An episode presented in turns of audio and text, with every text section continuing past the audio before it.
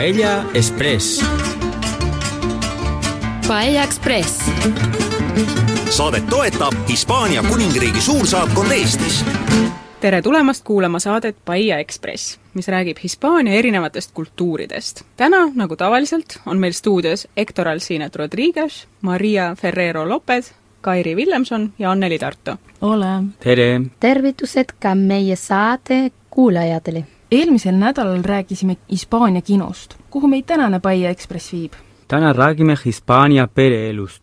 nii et kui tahate teada, missugune on Hispaania perekond, siis asume teele. esimene peatus Cordova. perekond saab alguse kooselust. hispaanlaste jaoks on kõige ihaldatum abiellumis- ja laste ristsettepaik Andaluusias Cordova linnas asuva mošee katedraal. kõlab veidi vastuoluliselt, aga jah, araablaste ehitatud mošee on tõesti võimas, sest aastaks tuhat oli Cordova linn oma miljoni elanikuga maailma suurim. Hispaania kuningad ehitasid viieteistkümnendal sajandil keset seda mošeed veel ilma tuhke katedraali ja selles paigas on tõeliselt väärikas oma elutähtsaid samme astuda. kui vanalt hispaanlased abielluvad? tavaliselt kahekümne seitsme ja kolmekümne kahe eluaasta vahel. On, et naine on juba üle kolmekümne ja abiellutakse alles siis, kui laps sünnib. kas abiellutakse kirikus? enam mitte nii palju usu pärast, vaid peritraditsioonide tõttu, aga tõsi on, et viimasel ajal on üha rohkem tsiviilabielusid. kaua üks pulm kestab? pulm kestab ühe päeva. ja käepalumine? ei, seda kommet enam peaaegu ei ole. Poissmeeste ohtud on küll. poissmeeste ja tüdrukute õhtu korraldatakse mõned nädalad kuni mõni päev enne pulmi. minnakse eraldi välja lõbutsema, et oma vallalise põlvega hüvasti jätta. just nii. missugune Hispaania pulm välja näeb? käiakse kirikus, öeldakse jah-sõna, sormused sõrme. seejärel tuleb pidulaud, bankett, muusika, tants. ja kui raha on, minnakse messinädalatele. kas pidulauas kibe ka hõigatakse? Hõigatakse otse keseveesen, keseveesen, suudelge, et veidi elevust tekitada Eestis on veel säilinud palju pulmamänge, mida pulmades äh, tehakse. Hispaanias enam eriti ei ole. olen kuulnud sellisest asjast nagu lipsu tükkhaaval mahamüümisest külalistele, aga üldiselt peetakse seda väga ebaviisakaks kombeks teatavasti iseseisvuvad Hispaania noored suhteliselt hilja. abiellutakse samuti hilja. mis selle põhjus on? kas teile meeldib igavene lapsepõlv või teil on raske lahti öelda ema valmistatud söögist? Hispaanias asutakse tõesti väga hilja omaette elama. üürikorter tundub raha tuulde loopimisena seega elatakse vanemate juures peaaegu abiellumiseni ma arvan, et see on mugavus. käiakse tool, elatakse vanemate juures. põrut on, aga elab omaette. kõik on rahul, kõigile sobib. kuhu siis kiired selle oma korteri ja abiellumisega? meie arvates abiellutakse siin väga vara ja lahutatakse ka palju. kas Hispaanias siis ei lahutata? nüüd juba lahutatakse ka, aga Franco ajal oli lahutamine keelatud. peale Franco diktatuuri lagunemist tekkis Hispaanias lahutamise buum. nüüd on asi taas tasakaalus. kas Hispaania pere on suur? enam mitte. Hispaanias on keskmiselt üks koma kolm last naise kohta. peamiselt on peres üks kuni kaks last sellest ei ole palju aega möödas, kui Hispaania pered olid väga suured. seitsme kuni üheksa lapsega pere oli tavaline. praegu ei taheta lapsi, kurdetakse laste kasvatamise kulukuse ja raske laenukoorma üle, sest tahetakse ju suurtes korterites elada. tegemist on ka mõttemaailma muutusega naised käivad praegu tööl, varem nad seda ei teinud. enamasti elati maal, toimetati koduseid asju ja laste jaoks oli rohkem aega. aega kasutatakse praegu teisiti.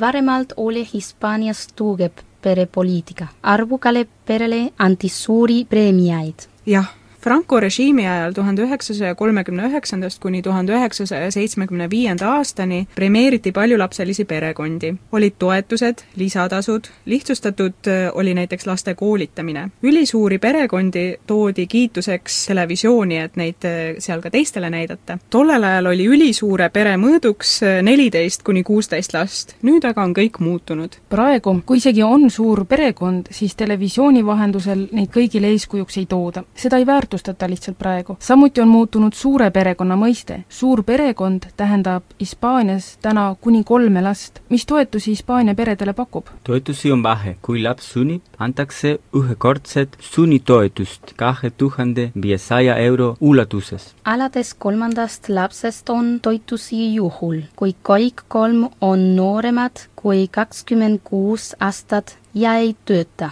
Siis antakse näiteks õppe- ja ühistransporditoetust. kui kaua Hispaanias sünnitus- ja lapsehoolduspuhkus kestab? vahe kuusteist nädalalt emale ja viisteist päeva isale. ka selle aja jooksul võib naine seaduslikult tööst ilma jääda. vahel on ettevõtjate pärast lausehävi. aga lapsed sünnivad siiski. mis perekondlikud sündmused seejärel aset leiavad? laste ristimine selle sündmuse juures on tähtsad ristivanemad. ma arvan, et tänases perekonnasaates võiksimegi ristivanemad meie tänase saate tähtsateks isikuteks nimetada. Hispaanias võivad ristivanemad olla perekonnaliikmed või sõbrad-tuttavad ja ristivanemad ei pea omavahel abielus olema. ristivanemaks olemine tähendab seda, et kui lapsevanematega peaks mingi õnnetus juhtuma, siis nemad on need, kes peaksid laste eest hoolitsema see on muidugi suhteline. sellises olukorras tulevad mängu uued vennad, vanavanemad. kindlasti jõutakse kokkuleppele. Hektor, sinu kodulinnas Jeidas kutsutakse vanaisat ja vanaemat ka ristivanemateks padri ja padrina ja seda seepärast, et rõhutatakse vanavanemate kui ristivanemate rolli tähtsust. vanavanemad on ka need, kes oma lastelastele seal nime panevad, kas pole? Jehidas on selline traditsioon, et ristsetel panevad ristivanemad vastsündinutele nimed, mis on küll eelnevalt lastevanematega kooskõlastatud. seetõttu on kõikidel tüdrukutel ja poistel veel ristinimed, mis figureerivad ainult kiriku ristimisraamatus. ühelgi teisel dokumendil nad ei kajastu. Hektor, mis sinu ristinimed on? Hector Miguel, see on peaaegu nagu saladus, sest keegi mind niimoodi ei kutsu. kas sul ka ristinimi on Maria? Ei, olen lihtsalt Maria. minu perele meeldivad lühikesed nimed. mis veel ristivanemate kohustusteks on? Kataloonias tuleb vaikse nädala ajal oma ristilastele pakkuda koogi, mida kutsutakse moonaks nagu Eestis kingitakse lihavõtte ajal üksteisele mune, siis ka selles moonasaias oli tavaliselt üks terve muna sees, aga tänapäeval on neid moonasaiu juba ka ilma munata peale ristseid saavad ristivanematest pereliikmed ja nad on alati oodatud perekondlikele lõuna- ja ohtusöökidele. ametlikes dokumentides on hispaanlastel tavaliselt üks eesnimi ja kaks perekonnanime. esimene perekonnanimi on isa esimene perekonnanimi ja teine on ema esimene perekonnanimi seega, kui järeltulijad on tüdrukud, siis kahe põlvkonna jooksul on nimi kadunud. aga kui te abiellute, kas naised kaotavad oma perekonnanime? ei, abielludes perekonnanime ei muudeta. Hispaania nimed ja eelkõige Ladina-Ameerika inimeste nimed on väga pikad. aga nimede järgi saab aru, missugust rolli inimene ühiskonnas mängib. tähtsamatel inimestel oli tavaks kasutada kaht isa perekonnanime ja kaht ema perekonnanime. samuti meeldib paljudele mitu eesnime seega pannakse lapsele nimi, lisatakse vanaema või vanaisa nimi ja kõige otsa mõni pühaku nimi. nii võib ühe inimese täisnimi kujuneda seitsme kuni kaheksa sõna pikkuseks inimese teine eesnimi on paljudel juhtudel seetõttu, et lapse üks eesnimi pidi olema mõne pühaku nimi. kui ta seda ei olnud, siis tuli see lisada, sest muidu ei saanud last ristida näiteks ei saa olla nimeks Tamara, sest sellist pühakut ei ole. ristimisel lisati mõne pühaku nimi ja inimese eesnimedeks kujunes siis näiteks Tamara Maria. Hispaania on viimase kolmekümne aasta jooksul kõvasti muutunud, kõigub vanade ja uute traditsioonide virvarris. Hispaania igapäevaelu juures on veel sügavalt juurdunud vanad traditsioonid, teisalt on aga suur surve uute peretraditsioonide tekkimisel. Hispaanias saavad abielu sõlmida nii hetero- kui ka homopaarid geiabielud on lubatud aastast kaks tuhat viis ja sellest ajast on sõlmitud juba üle viieteist tuhande abielu. valitsusepoolne suur initsiatiiv see seadus vastu võtta tõi kaasa suure poleemikalaine. vastasseis katoliku kiriku ja mõningate parteide vahel oli suur, kuid vähehaaval on igasugused abielud nii juriidilises kui ka sotsiaalses mõttes tasapisi tunnustatud. see on natuke üllatav, kas pole? jah, Hispaania astus sellise radikaalse sammu pärast abiellumist ja laste saamist tuleb aga argipäev. sellest, kuidas hispaanlased tantsides ja lauldes seda mööda saadavad, räägime peale muusikapala. muusika on seekord Barcelonast ja bändi nimi on Pegatina ning nende lugu pealkirjaga Kuidas sulle seda seletada.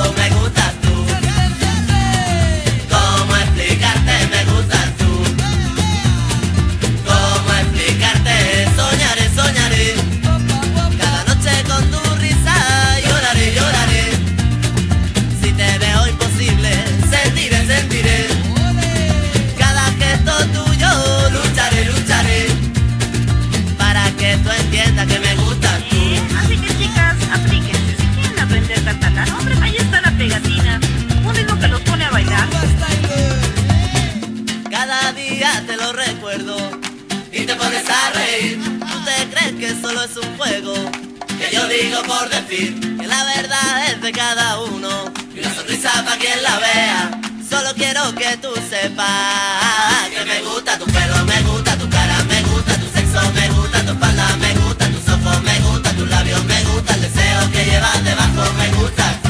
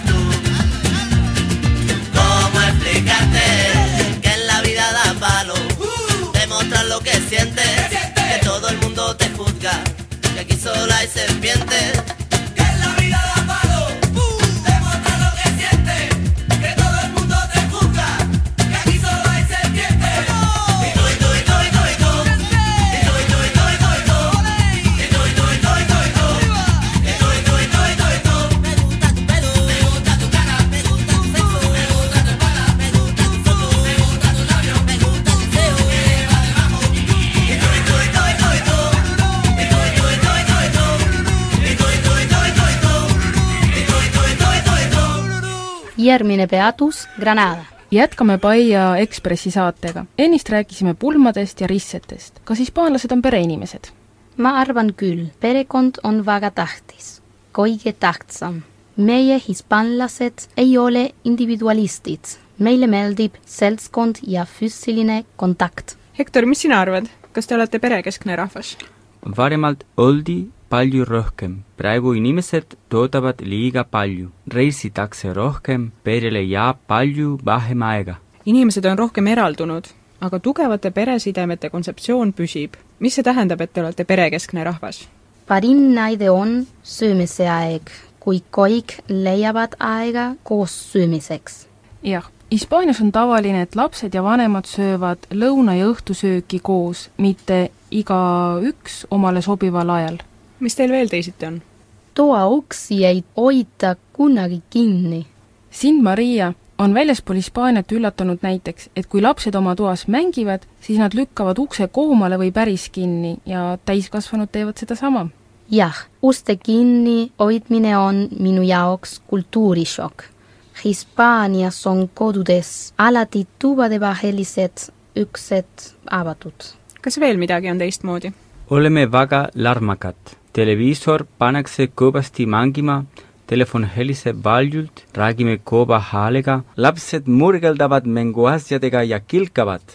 kortermajades tead alati täpselt, mis telekanalit naaber vaatab, kuna süüakse ja nii edasi. siin Eestis on nii vaikne. meie naabritel on laps, kes vist kunagi ei nuta. kas teid naabrite lärm ei häiri siis? Me oleme sellega harjunud. mind see ei sega. lärm ümberringi tähendab, et ellu käib. rääkides meestest ja naistest, kuidas selle machismoga on? Hispaania on suhteliselt meestekeskne ühiskond, eriti Põhja-Euroopaga võrreldes. paljudel juhtudel on see muidugi kasvatuse küsimus.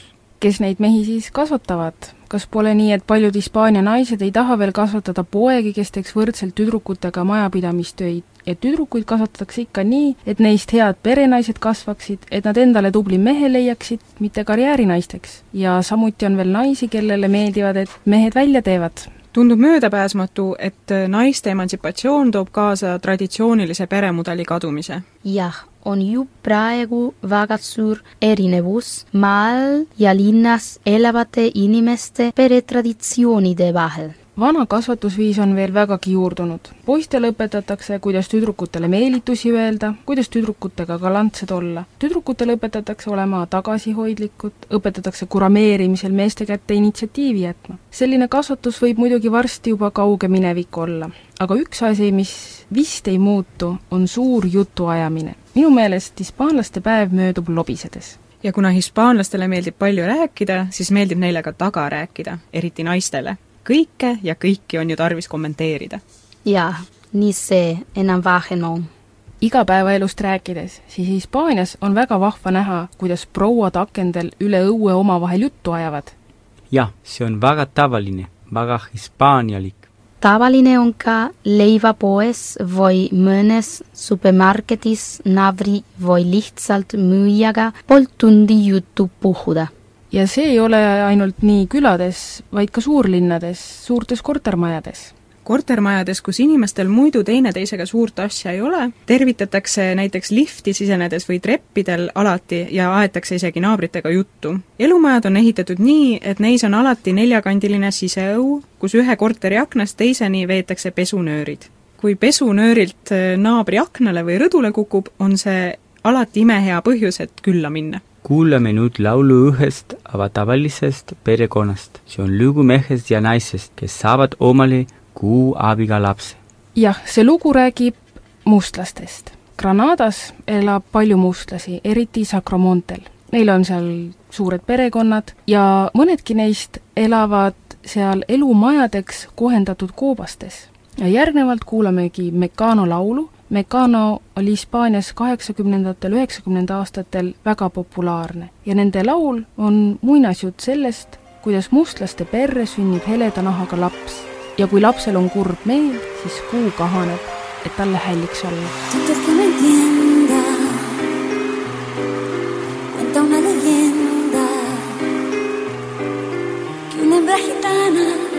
Conjuró a la luna hasta el amanecer. Al llegar el día de esposar un calé.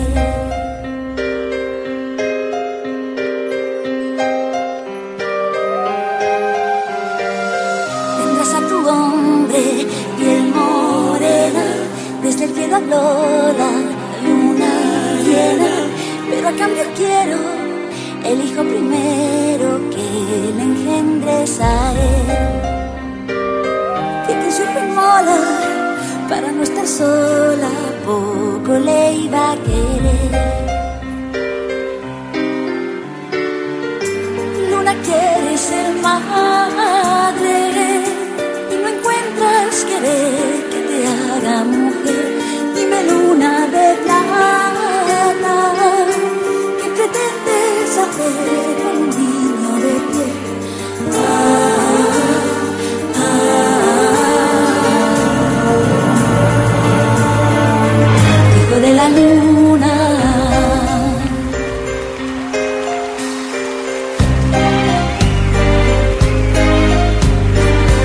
De padre canela nació un niño blanco como el lomo de un niño con los ojos grises en bebé aceituna, niño albino de luna. Maldita su estampa, este hijo es de un payo y yo no me lo callo. hijo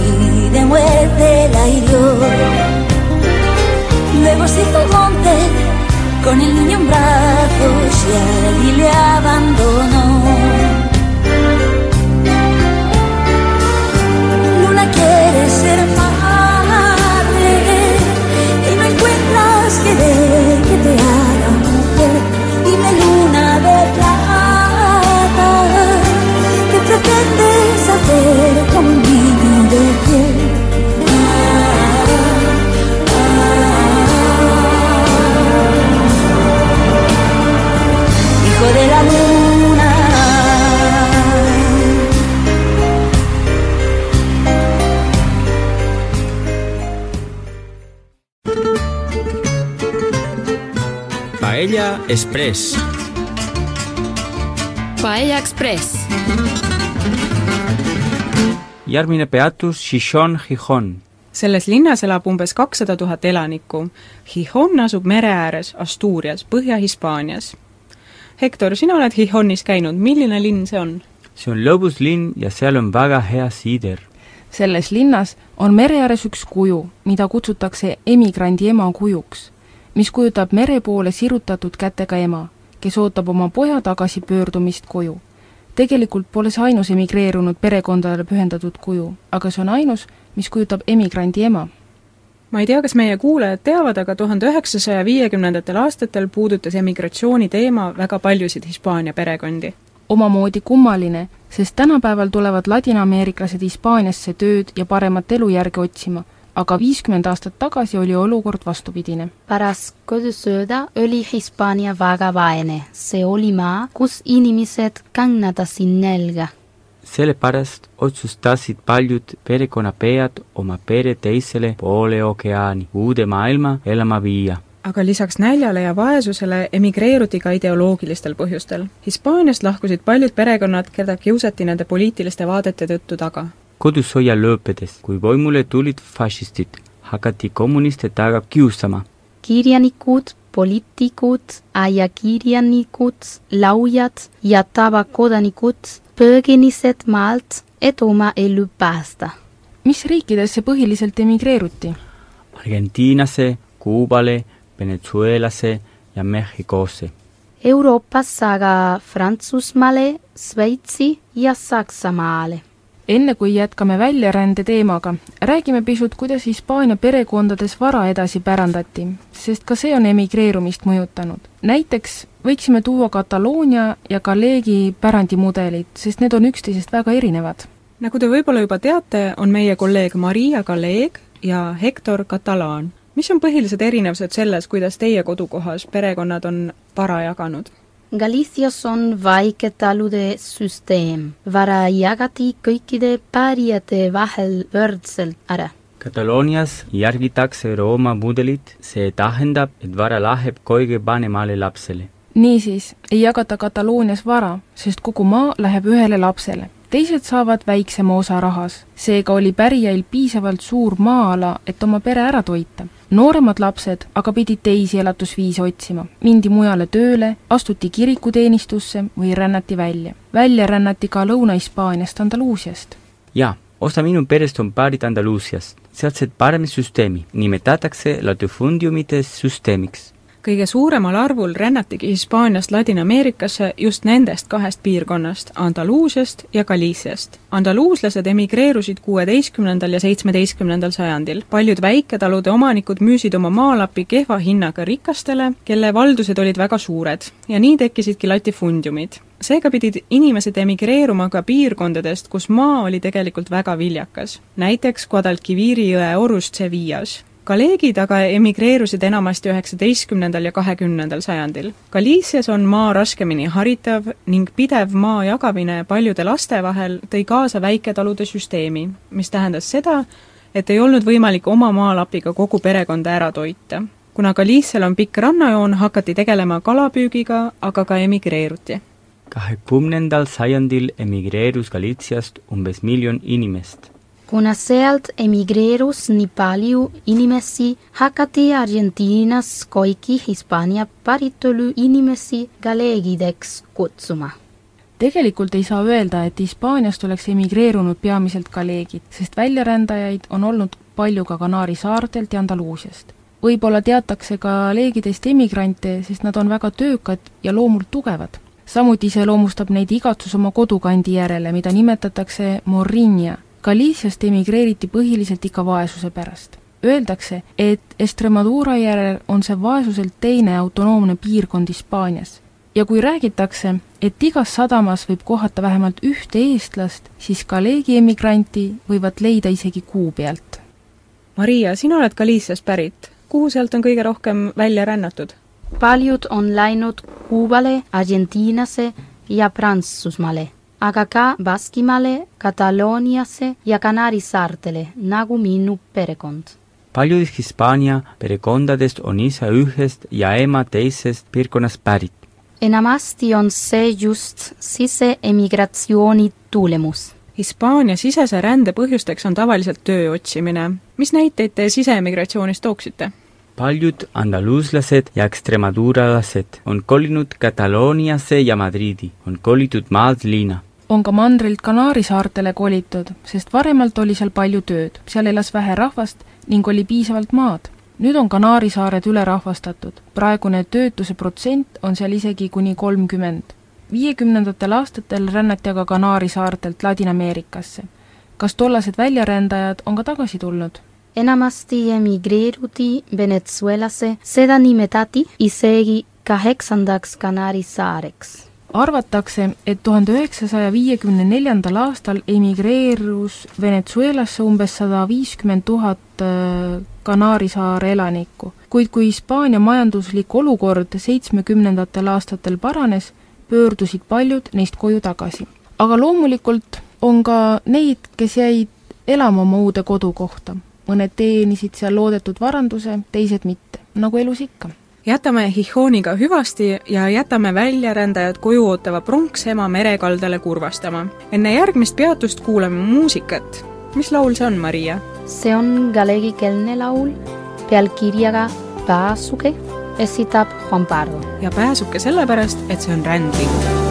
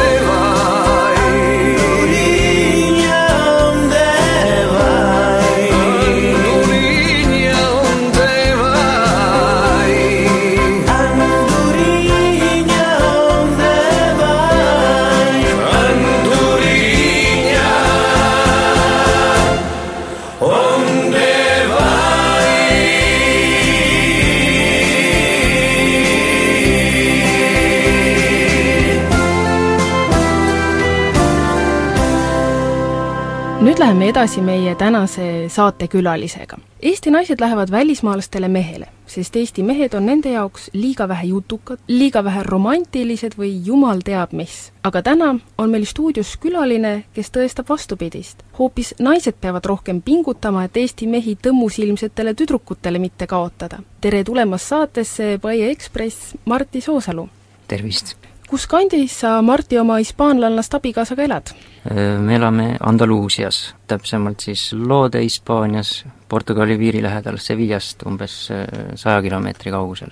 kuidas sa Hispaania perekonda lühidalt kirjeldaksid? lühidalt on äh, raske kirjeldada, no võib-olla siis nii, et äh, üks tavaline Hispaania perekond on noh, tunduvalt äh, suurem kindlasti perekonnaliikmete poolest. kindlasti perevahelised suhted on tihedamad. meil nii tihti nagu ema pojaga kontakti ei hoia, siis seal praktiliselt iga päev. suheldakse telefonitsi, noh, peamiselt telefonitsi ja, ja käiakse külas? jah, jah, just. kuidas sa kohanesid Hispaania pereeluga? kuidas Hispaania perekond sind vastu võttis? no tegelikult äh, see minu puhul nagu nii väga raske ei olnudki. võiks öelda niimoodi, et ma niimoodi vaikselt sulandusel hiilisin sinna, sinna sisse, kuna esimene kontakt minu siis abikaasa vanematega oli see, et mind tutvustati kui sõpra Eestist, et tänu sellele võeti nagu väga lahkelt vastu ja esimene kontakt oli väga sõbralik ja soe aga kui sellest kujunes nagu, et sa ei olegi ainult kirjasõber, see nagu kujunes nagu tasapisi kõik said lihtsalt aru? jah, aegade jooksul nagu kujunes see välja ja kuidas Hispaanias äh, nagu üldiselt on, et kas leitakse omale tüdruk, tüdruk tutvustab noormeest oma vanematele ja kõik elavad siis rõõmsalt ühe katuse all koos? See ei ole nii lihtne, lihtsalt niimoodi ühe katuse all elama hakata, ma arvan, et kui Theresa oleks mind tutvustanud kui oma uut poissõpra, siis, siis mul oleks vist kohe ust näidatud seal eks elatakse niimoodi, et tütarlaps oma vanemate juures ja noormees oma vanemate juures. Saadakse kokku niimoodi, võib ka ju kutsuda külla enda vanemate kodusse, aga see on niisugune, lihtsalt niisugune hästi üli, üliviisakas visiit ja sellist asja nagu noh, süütut musitamist või käehoidmist nagu se-, sellist ei ole eriti soovitav vanemate silme all teha. tulevase ämma ja ja, jah, just Eestis öeldakse, et ähm, ämma tuleb hoida nagu roosi, keldris ja kaelani külmas vees. kas Hispaanias ka ämmade üle nalja visatakse? jah, kuigi äh, Eestis on nagu see, see teema nagu rohkem niisugune irooniline ja on Hispaanias on ämm, on nagu ema, nagu pere tähtsaim persoon, keda tuleb austada? minu perekonna puhul on see kindlasti nii ja kõik peab toimuma selle järgi, nagu, nagu tema seda ütleb ja naljaga seoses Theresa just rääkis mulle ühe sellise nalja, et äh, kui üks sõber ütleb teisele, et äh, jama juba pikka aega, et ei saa naist endale koju ja korralikku, et emale ükski ei meeldi. sõber ütleb, et noh, et aga see on ju lihtne, et otsi siis keegi selline naine, kes on nagu, sarnaneb sinu emale või jah, ma olen proovinud seda, aga siis on see jama, et siis ta ei meeldi isale jälle. noh, see on niisugune siis küllaltki süütud nali. Galiitsias ja Kanaari saartel on säilinud veel selline traditsioon, et kui peretütar kaheksateistkümneaastaseks saab, siis tuleb tal suguvõsa ees hea perenaise näidiseksam teha. see tähendab, et ta peab oma maja korralikult koristama, padjad kohevaks kloppima, laudlina tõmblema ja kolmekäigulise õhtusöögi tegema, siis tulevad sugulased, kiidavad, laidavad peretütre majapidamist ja annavad hinnangu tema toidu tegemise oskuste kohta. noormehed pidavat muide sel päeval koos isaga lõbumajja suunduma. kas sinu kaasa ka sellise elluastumise eksami läbi pidi tegema? Seda asja ma kuulen küll esimest korda kui see tõesti selline traditsioon ka eksisteerib, Hispaania on ise ju nii, nii suur riik juba ja ta on otsast otsani ju täis vastuolusid ja erinevaid traditsioone, aga noh, see tundub küll ikka väga-väga vana traditsioon ja minu abikaasa kindlasti ei ole sellega kokku puutunud. Marti, sa oled äh, arhitekt. mis Hispaania kodudes sinu arvates kõige olulisem on? mis kodudes teistmoodi on kui Eestis? kui vaadata funktsionaalset poolt, siis Eesti majad on nagu avatud väljapoole, noh kas avatud siis loodusele ja kasutatakse hästi palju aknapinda, et päikest kätte saada, aga seal nagu käib see asi kõik sissepoole. maja on nagu ümber siseõue, aknad on hästi väikesed ja nemad nagu just varjuvad selle päikese eest kõik ja kõik see asi toimub nagu sissepoole käib, elatakse. elu käib siseõuedes? jah, jah, jah tuleme jälle igasuguste suurte kokkusaamiste juurde. et Eestis saavad suguvõsad kokku pulmas, juubelitel ja matustel. missugune näeb välja üks sünnipäev Hispaanias? kas see algab äratuslaulu, lillede ja tordiga? sünnipäeva ei peeta seal nii nagu meil. peetakse noh, kas juubel või tavaline sünnipäev sõpradega lihtsalt kohvikus, üks väike kohvi ja see on kõik aga sellist saunapidu ja pikka oi, lauda? ei, ei, ei, ei, sauna, noh sauna seal lõunas ei ole ju aga kas juubeleid ka mitte? Mm, no juubelitega on sama lugu, jah. et see ei Seal... ole üks äh, suguvõsa kokkutulemise ei, kindlasti, see teema on rohkem nagu abiellumise pidustustele siis, see on nagu peamine koht, kuhu tuleb siis kokku nii, nii võimalikult palju kaugeid sugulasi, kui keegi vähegi veel tunneb ja räägime ühest neljasajast, viiesajast inimesest tulevad kokku ja pulm on üks tõeliselt suur suguvõsa kokkutulek. mis on nagu kirikuga seotud, ristimine, leerid ja siis noh, need ongi nagu peamised peamised üritused ja pulmad siis. matuste puhul on ka niimoodi, et äh, kui kuskil külas keegi tänava peal ära sureb, siis kõik lähevad, kõik selle tänava pealt lähevad talle kaastunnet avaldama ja ja isegi linnas, kui sul trepikojas keegi ära sureb, siis tihtipeale sa siin Eestis, sa ei teagi, kes see sul elas võib-olla, aga seal ka minnakse ära saatma kirikusse ja matus on ka jah, hästi rahvarohke. missugune Hispaania matus üldse välja näeb? teistmoodi kindlasti kui siin meil, sest äh, seal on see lein ja ärasaatmine tunduvalt traagilisem, kui ta meil siin on. peale surma jääb siis surnu üheks või kaheks päevaks majja, kuhu selle aja jooksul siis tulevad kokku kõik kauged sugulased üle maa igalt poolt hüvasti jätma siis nagu ja ja siis on seal üks-kaks ööpäeva järjest lihtsalt nutmist ja alamist ja ja ärasaatmine ise on siis kas siis veel kiriklik missa veel toimub, aga sellist nagu meil siin kalmistul veel mingi ärasaatmine, seda ei ole. peelaudast rääkimatagi, toimub see matmine ära kiiresti ja kõik lähevad laiali ja ja see on kogu lugu aga jätame need äh, kurvemad äh, sündmused. kui kerge või raske on äh, Hispaanias välismaalasena väimehe rolli kanda? kui räägime sellest, et noh, sa oled juba perekonda vastu võetud ja sa enam-vähem ka noh, vanematele seal meeldid, et siis ei ole häda midagi aga aga sa pead meeldima ka tädidele ja onudele? seda ka, oluline on ikkagi muidugi oma ämmale-äiale meeldida kõige rohkem. ülejäänud perekonnaga suhe, noh, see on ka muidugi väga oluline, aga ma arvan, et kui sa ämmale-äiale juba meeldid, et küll siis teised ka nagu võtavad omaks tihtipeale nagu neile jääb arusaamatuks see, et mind nagu väsitab kergelt eh, olemine niisuguses eh, vahetus eh, suhtlemises ja ja ma aeg-ajalt nagu otsin, otsin niisugust üksi olemist ja see, sellest nad nagu ei saa hästi aru muidugi, et, et kui ma kuskile suundun omaette tuppa, vaikselt nokitsen seal omaette ja mõnda aega siis tuleb, et et mis sa siin teed, et noh, et tule nüüd räägi ka meiega juttu, et aga noh, sellist üksi olemist äh, on nagu mulle nagu aeg-ajalt eriti vaja ja see on just see efekt, millest Maria ennist rääkis, et tubade kinniste uste efekt, et see, seda ei tohi olla, et kõik peab ja, olema ja. avatud. täpselt, nii see on, jah.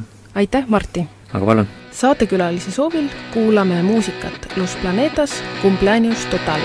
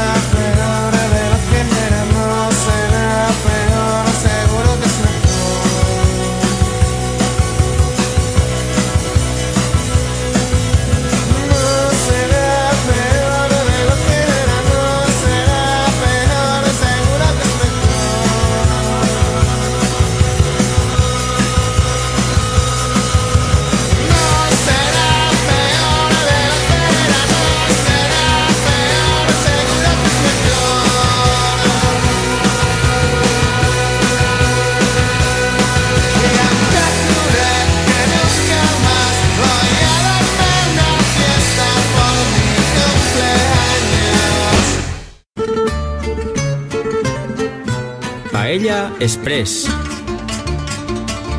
Paella Express. viimane peatus Ibiza, Ibiza. tänase viimase peatuse teeme ühel väga tuntud saarel, mis seostub noorte puhkuse ja pidudega. aga Ibiza saarel on ka teine nägu, sest selle kosmopoliitilise saareelu kõrval võib leida ka paiku, kus vanu traditsioone ja tavasid kõvasti au sees hoitakse. näiteks võib hommikul näha liikumas vanamemmesid, kes lähevad põllule tööle, rätik peas. aga sealsamas kõrval näiteks kõrgete kontsadega transvestiite, kes tulevad alles diskoteegist või hipisid, kes mootorratastega hommikuse leiva järele sõidavad. Nii et see on erinevate äärmustega saar. seal on muide kõikidel asulatel pühakute nimed, välja arvatud pealinnal, mida katalani keeles nimetatakse Ibizaks, hispaania keeles aga Ibizaks. lisaks äärmuslikkusele elab Ibizal ka paljudest eri paigust pärit inimesi. sisserändajad on pärit erinevatest Hispaania kohtadest, aga on ka inglise ja saksa peresid, kes on siia päikest otsima tulnud paar saadet tagasi rääkisime pidudest ja pühadest. nüüd võiks rääkida, kuidas neid pereringis peetakse. Me teame, et te käite alati hea meelega koos, süüakse, juuakse ja pidutsetakse ikka kambakesi. aga millised on pereüritused, kust kunagi puududa ei tohi, sellised, kus terve perekond kokku tuleb? kindlasti jõulud. kus iganes sa ka poleks, jõuludeks minnakse alati koju. sünnipäevad on ka olulised ja mõnikord ka pühakutepäeva tähistamine Hispaanias on igal linnal ja külal oma kaitsepühak ja nende auks korraldatakse ka pühakute pidustusi. Ka inimestel on pühakud, sest iga nimega on seotud üks pühak ja ka üks päev, kui seda tähistada. Hektor, millal sinu pühakupäev on? tegelikult päris kõikidel nimidel pole oma pühakut, näiteks Hektoril ei ole. aga Mariale ehk Maarjale pühendatud päevi on palju. meie peres tähistatakse vahel minu õeanna nimipäeva ja mina lootsin ka kingitust saada.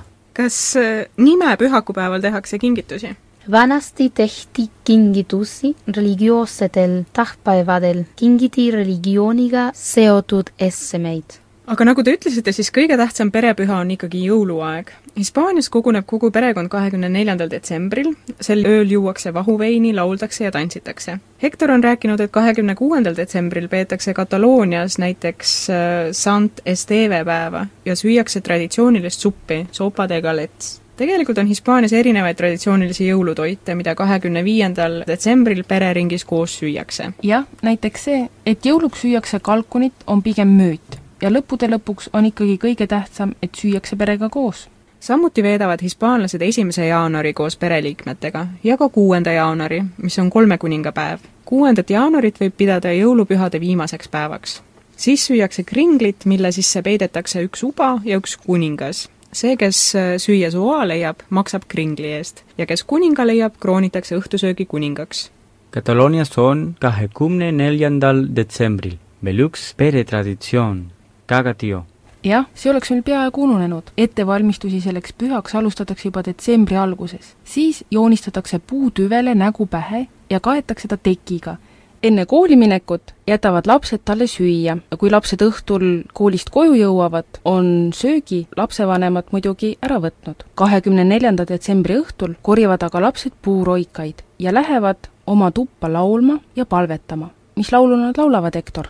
Tío de Nadal, no caguis arengades que són salades, caga turrons que són molt bons. Lapsed taovad puurontidega seda puupakku ja laulavad. kui nad laulmisega valmis on, siis tõstavad nad teki üles ja leiavad sealt äh, maiustusi, šokolaadi ja väikeseid kingitusi. ning äh, siis lähevad nad uuesti oma tuppa ja laulavad uuesti. lapsed laulavad seni, kuni teki alla pole jäänud muud kui õun see tähendab seda, et rohkem imet ei juhtu ja peab ootama uue aastani. loomulikult on tegelikult vanemad need, kes sinna teki alla neid maiustusi toovad. see on pidu, milles osalevad kõik pereliikmed, noored ja vanad ning ristivanemad võivad aidata oma ristilastel laulda Te pole veel rääkinud, kui palju sugulastega suheldakse. vennad-õed, nõbud-tädid, onud, vanavanemad. tundub, et hispaanlastel on vahel nõbud nagu õed-vennad. käiakse koos puhkamas või veedetakse tädide-onude või vanavanemate juures koos nädalalõppe. Varasemalt kolisid vanavanemad leseks jäädes alati laste ja lastelaste juurde, tänapäeval aga viiakse nad üha enam vanadekodudesse. vanavanemad on alati aidanud lapselapsi õppimisel ning kuna neil oli rohkem aega, olid nad arvatavasti ka kannatlikumad. ka praegusel ajal on tavaline, et vanaema või vanaisa käib lapselapsel koolis vastus või viib neile einet ja saadab neid koju. kas teie peres oli ka nii? Mina elan oma vanavanematest kaugel, aga kui ma nendega koos olen, õpin alati väga palju.